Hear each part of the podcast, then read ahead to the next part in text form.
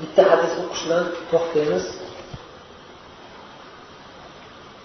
Rasululloh sollallohu alayhi vasallam aytyaptilar at-tuhuru shatrul iymon bu hadisni abu malik al harit ibn asim ashariy roziyallohu anhu rivoyat qilganlar.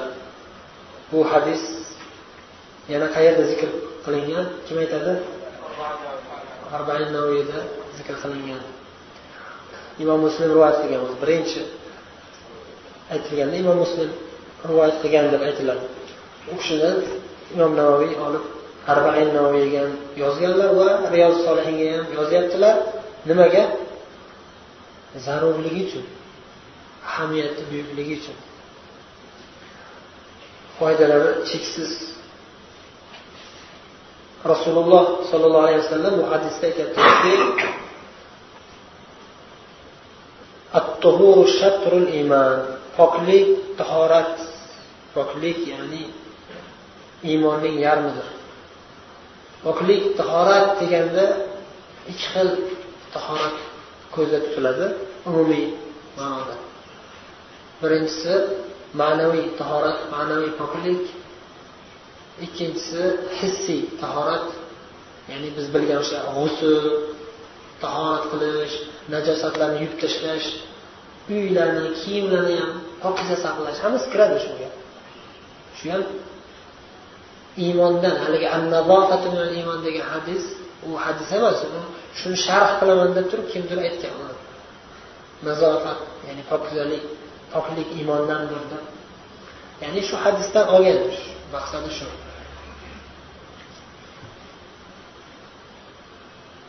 Birinchi eng oliy darajadagi poklik nima? Ma'naviy poklik. Shuning uchun alloh taolo birinchi oyatlarida nimani nozil qilgan muddassir surasida kiyimlaringizni poklang degan. Faqat kiyim kiyim emas kiyim ham ma'naviy kiyim bor va hissiy kiyim bor. Endi amallaringizni shirkdan poklang deb tafsir qilishgan. Ya'ni u ham kiradi birinchi o'rinda bu ham kiradi. Zohiriy hissiy poklik ham kiradi. valhamdulillah mizan allohga hamd sano aytishlik mezon tarozini to'ldiradi ya'ni qiyomatda savoblaringiz ko'p bo'ladi tarozini ikkita pallasi bo'ladi o'ng tarafiga yaxshi solih amallaringiz qo'yiladi chap tarafga gunoh masiyatlar shunda o'ng taraf to'ldiradi hamd sano aytish alloh taologa وسبحان الله والحمد لله تملأان أو قال تملأ ma baynas samavati val ard. Alloh taologa tasbeh aytishlik. Subhanalloh subhanalloh subhanalloh deyishlik. Alloh taoloni poklashlik. Tasbeh nima? Alloh taolo barcha aybu nuqsonlardan pok bo'lgan zotdir. Subhanalloh deganingizda shu ma'no bor. Ba'zilar bilmasligi mumkin musulmonlar subhanalloh deb yuraveradi. Ma'nosini to'la tushunmasligi mumkin. Nima degani hayron. Ya'ni alloh taoloni poklayman. Alloh taolo barcha aybu nuqsonlardan pok zotdir. Valhamdulillah alloh taologa hamdlar bo'lsin. Alhamdu degani barcha hamd sanolar al arabchadagi alif lam bu lil istig'roq deyishadi. Istig'roq degani hammasini o'z ichiga oladi degan barcha hamd sanolar alloh taologa deb aytasiz allohni maqtaysiz. Mana shu ikkita kalima bilan zikr qilishlik deyaptilar tamlaat. Osmonlaru yerning orasini to'ldirib tashlaydi. Alhamdulillah subhanalloh alhamdulillah deyishlik osmonlar va yerlarni orasini to'ldirib tashlaydi. Nima bilan? Ajru savob bilan. Ajru savoblar bilan.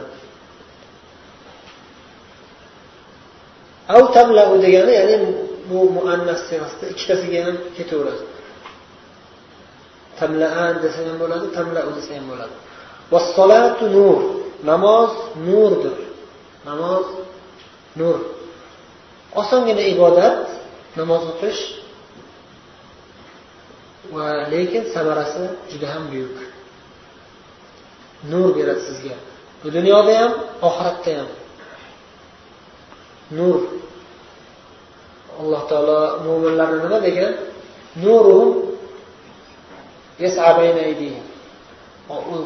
Nurlari oldilarida yugurib yuradi. Ya'ni uzoqligidan ya'ni ko'p tez yurishligidan nur tez. Qur'onda ko'p narsalarga e, dalil olishadi. Hatto dunyoviy ilmlarda ham. Hozir odamlar bilgan eng tezlik nima? Nur tezligi deyishadi.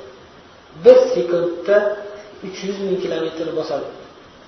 Uchun alloh taolo nuruhum yasadi nuruhum oddiy nuruhum bayna deb qo'ymadi yoki nuruhum yajri yamshi deb qo'ymadi yasa tez yuradi nur tezligi juda ham tez bir sekundda hozir ulamolarni hozir dunyoviy dunyo fanlaridagi mutaxassis ulamolarni aytishi bo'yicha nur tezligi uch yuz ming kilometr hozir osmon falakdagi yulduzlarni masofasini o'lchash uchun oddiy kilometrlar hisob kitob qilib bo'lmaydi chalkashib ketishadi nima qilamiz? Qanday hisob kitob qilamiz? Desa nur tezligi bilan hisob kitob qilamiz. Masalan mana shu yulduz bizdan bir yillik uzoq masofada sanavoiya bir yillik nur tezligida uzoqda joylashgan desa u bir yil degani uch yuz oltmish kun degani emas. Nur tezligida yursangiz uch yuz ming kilometr bossangiz bir sekundda uch yuz ming kilometr bossangiz ana shunda bir yilda yetib borasiz degan. Ya'ni uch yuz ming kilometrni uch yuz oltmishga ko'paytirasiz har sekundda har sekundda uch yuz ming kilometr bosib shu tezlikda borsangiz keyin bir yilda yetib borasiz degan xullas kalom nurdan kelib chiqib ketdi bu gaplar mana o'zidan tashqari. Namoz nur deyaptilar. Ya'ni sizga shu darajada keng yo'l ko'rsatib beradi. Dunyoda namozxon odamlar dunyoviy ishlari ham ochiq oydin bo'ladi. Hech nima qilsamikin deb bosh qotib qiynalib yurmaydi. Hamma ishlarda haqiqiy namozxon bo'lish kerak faqat.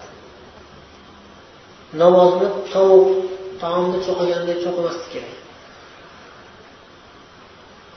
Oxiratda ham nur namoz. Namoz o'qiganlar namozxonlar oxiratda nuroniy bo'ladilar. Sadaqatu burhan.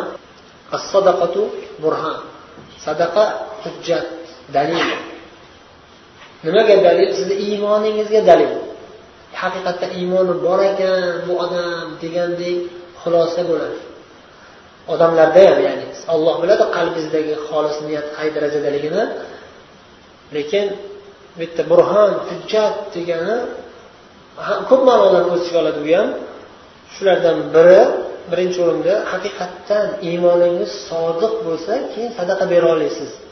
Iymon kuchli odam sadaqa bera oladi. Bo'lmasam xolisona bermaydi. Beradi xolisona emas odamlar maqtash uchun obro'si baland bo'lishi uchun sadaqa beradi. Xolis olloh uchun emas. Xolis olloh uchun kim beradi? Haqiqiy mo'minlar beradi.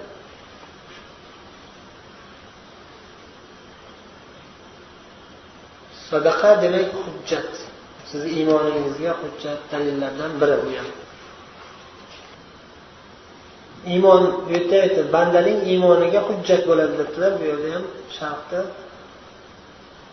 ولهذا تجد أكثر الناس إيمانا بالله وبإخلافه تجدهم أكثرهم صدقة تجدهم أكثرهم صدقة odamlarni ichida allohga iymoni kuchliroq bo'lgan odamlar va ollohning va'dasiga ixlof nima degani?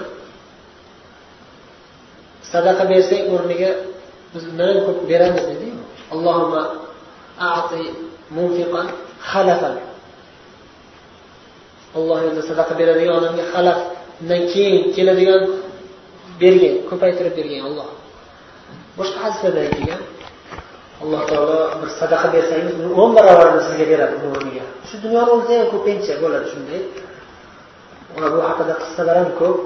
Bir kishi bir odamga bir dirham bersa o'rniga darrov bir kunga qolmasdan o'n dirham kelib qoladi. Yo tijorati yaxshi yurib ketadi yoki o'zi hayoli kelmagan jihatdan allohni marhamati rizqi keladi. Xullas ixlof degani olloh yana qaytadan sizga bundan ko'p qilib berishi shunga shunday va'da qilgan olloh shuni va'dasiga ishonganlar iymon keltirganlarni qarasangiz dedilar odamlarni ichida eng ko'p sadaqa beradiganlar o'sha iymoni kuchli odamlar degan topasiz. Shuning uchun aytyaptilarki iymonning hujjati bu dalolati bu. Va keyin aytdilarki sabr ziyodir nur bu ham lekin nur bilan ziyoni arab tilida ikki xil ibora bilan kelishligini farq sababi bor buni farqi bor. Harorat bilan bo'lganda ziyo deyiladi. Issiqlik bilan. Yondirib nur tarqatganda uni ziyo deyiladi. Ziyo shams degandek nurul qamar va ziyo shams.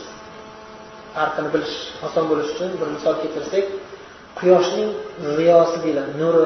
Quyosh o'zini yondirib nur beradi. Oycha boshqadan olib beradi nur oy nuri oy nur qayerdan kelgan? O'zi quyoshdan kelgan. Quyosh nuri tushib oydan nur chiqadi keyin. Allohu alam.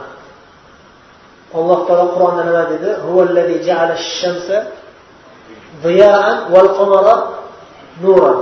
Alloh taolo quyoshni ziyo ziyo qildi va oyni nur qildi dedi. Ya'ni ziyo o'zini yondirib shag'amga o'xshab shag'am ham o'zini yondirib atrofdagilarga nur beradi. Va oy bo'lsa o'zini yondirmasdan shunday nur beradi. Namoz nima uchun nur deyilyapti? Sabr nima uchun ziyo deyilyapti? Shu hikmat mana shu yerda farqi bor ya'ni. Sabrni ziyo deb sifatladilar payg'ambarimiz sollallohu alayhi vasallam namozni nur dedilar chunki namoz o'qish oson. Hamma musulmonlar namoz o'qiydi. Osongina. Va nur osongina nur tayyor sizga. Qancha ko'p namoz o'qisangiz va qancha yaxshi mukammal ado etsangiz shuncha nuringiz kuchli bo'ladi va shuncha e, muvaffaqiyatga erishasiz. Ammo sabr qiyin narsa. Namozga nisbatan ya'ni. Misol uchun musibatlar kelganda va umuman olganda barcha ibodatlarni bajarib yurishga sabr qilish hamma ham bajarolmaydi.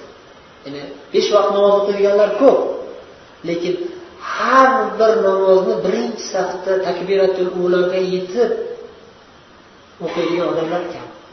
To'g'rimi? Namoz imom allohu akbar deganda qarasangiz bir saf to'lib to'lmay turgan bo'ladi assalomu alaykum rahmatulloh deb qarasangiz o'n saf yigirma saf bo'lib ketgan bo'ladi.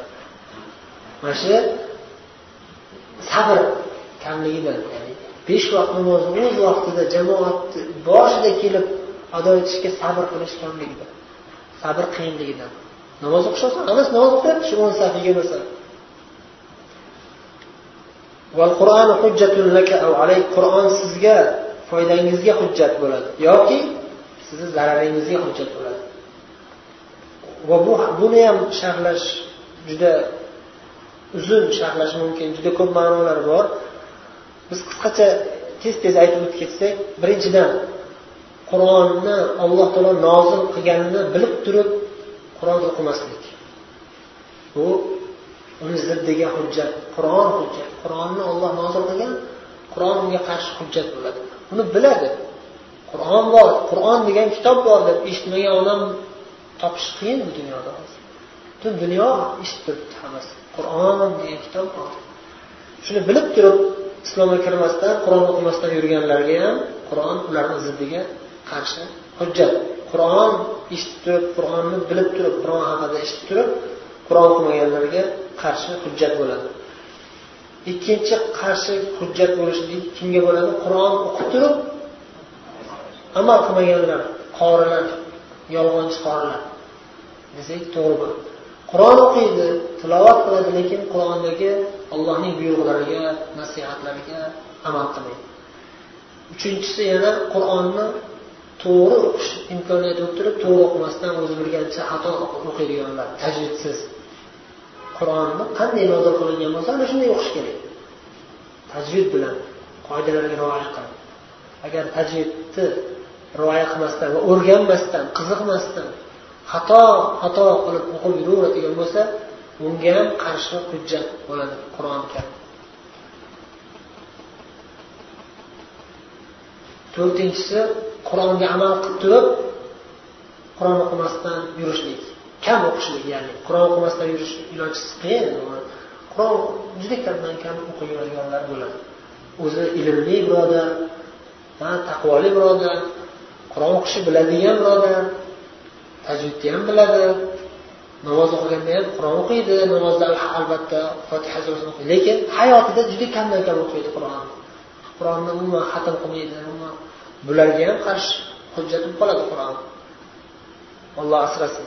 Mana shularni hammasini qarshisini teskarisini bajarishimiz kerak biz. To'rtta narsa aytdikmi hozir?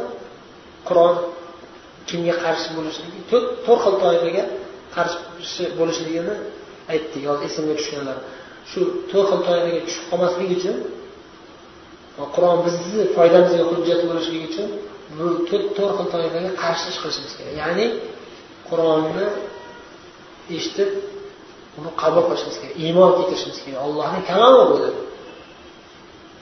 mo'tazilalarga o'xshab qur'on maxluq desa bu ham beshinchi toifaga kirgizishimiz mumkin. Qur'on ularga qarshi hujjat bo'ladi. Va qur'onga amal qilishimiz kerak qur'onni tajvid bilan tilovat qilishimiz kerak va doimo qur'onga bog'liq bo'lib doim qur'onni ko'p tilovat qilib yurishimiz kerak. Man ta'allama al-qur'ana va taallama va ya'ni o'zimiz o'rganishimiz ham kerak va ta'lim berishimiz ham kerak. Eng afzallaringiz eng yaxshi odamlar shu qur'on ahli. Endi oxirida aytyaptilar rasululloh sollallohu alayhi vasallam bu hadisning oxirida kullunnas yag'du. Kullunnasi yag'du. Hamma odamlar uydan chiqib harakat qiladi uydan chiqadi ishga ketadi. Yag'du degani shu uydan chiqib ketish bir ishga chiqish.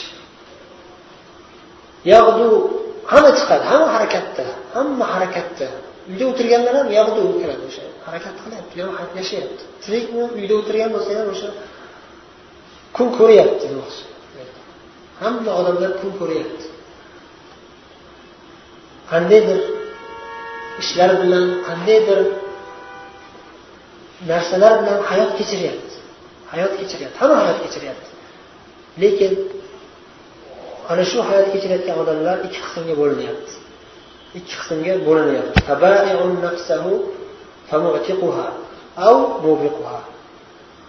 Hamma o'z nafsini sotyapti. Ya'ni hamma baribir bu hayotdan o'tib ketadi. Qandaydir ishlar bilan qandaydir narsalar bilan amal qilib yashab o'tib ketadi. O'zi jonini topshiradi. O'z nafsini sotyapti. Topshiradi. Kimgadir farishtaga ya'ni qandaydir ish bilan ya'ni.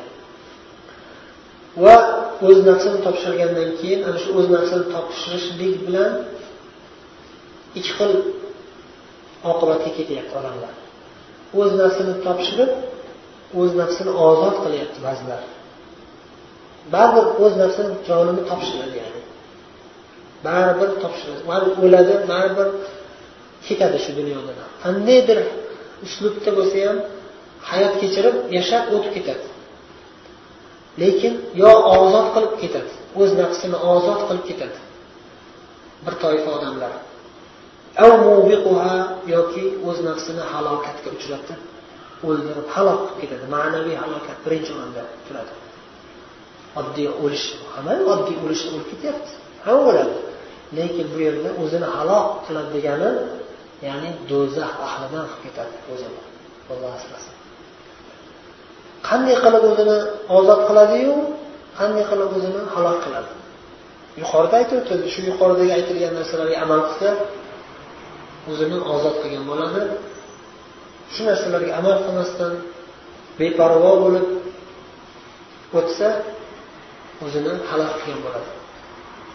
O'z nafsini sotyapti o'z nafsini topshiryapti degani ya'ni yo yaxshi ishlarga amal qiladi yoki shaytonga qul bo'ladi. Shaytonga qul bo'lganlar o'zini shaytonga topshirgan bo'ladi. Alloh asrasin. Imom muslim rivoyatlari. Ozod qiladi degan masdari etaq etaq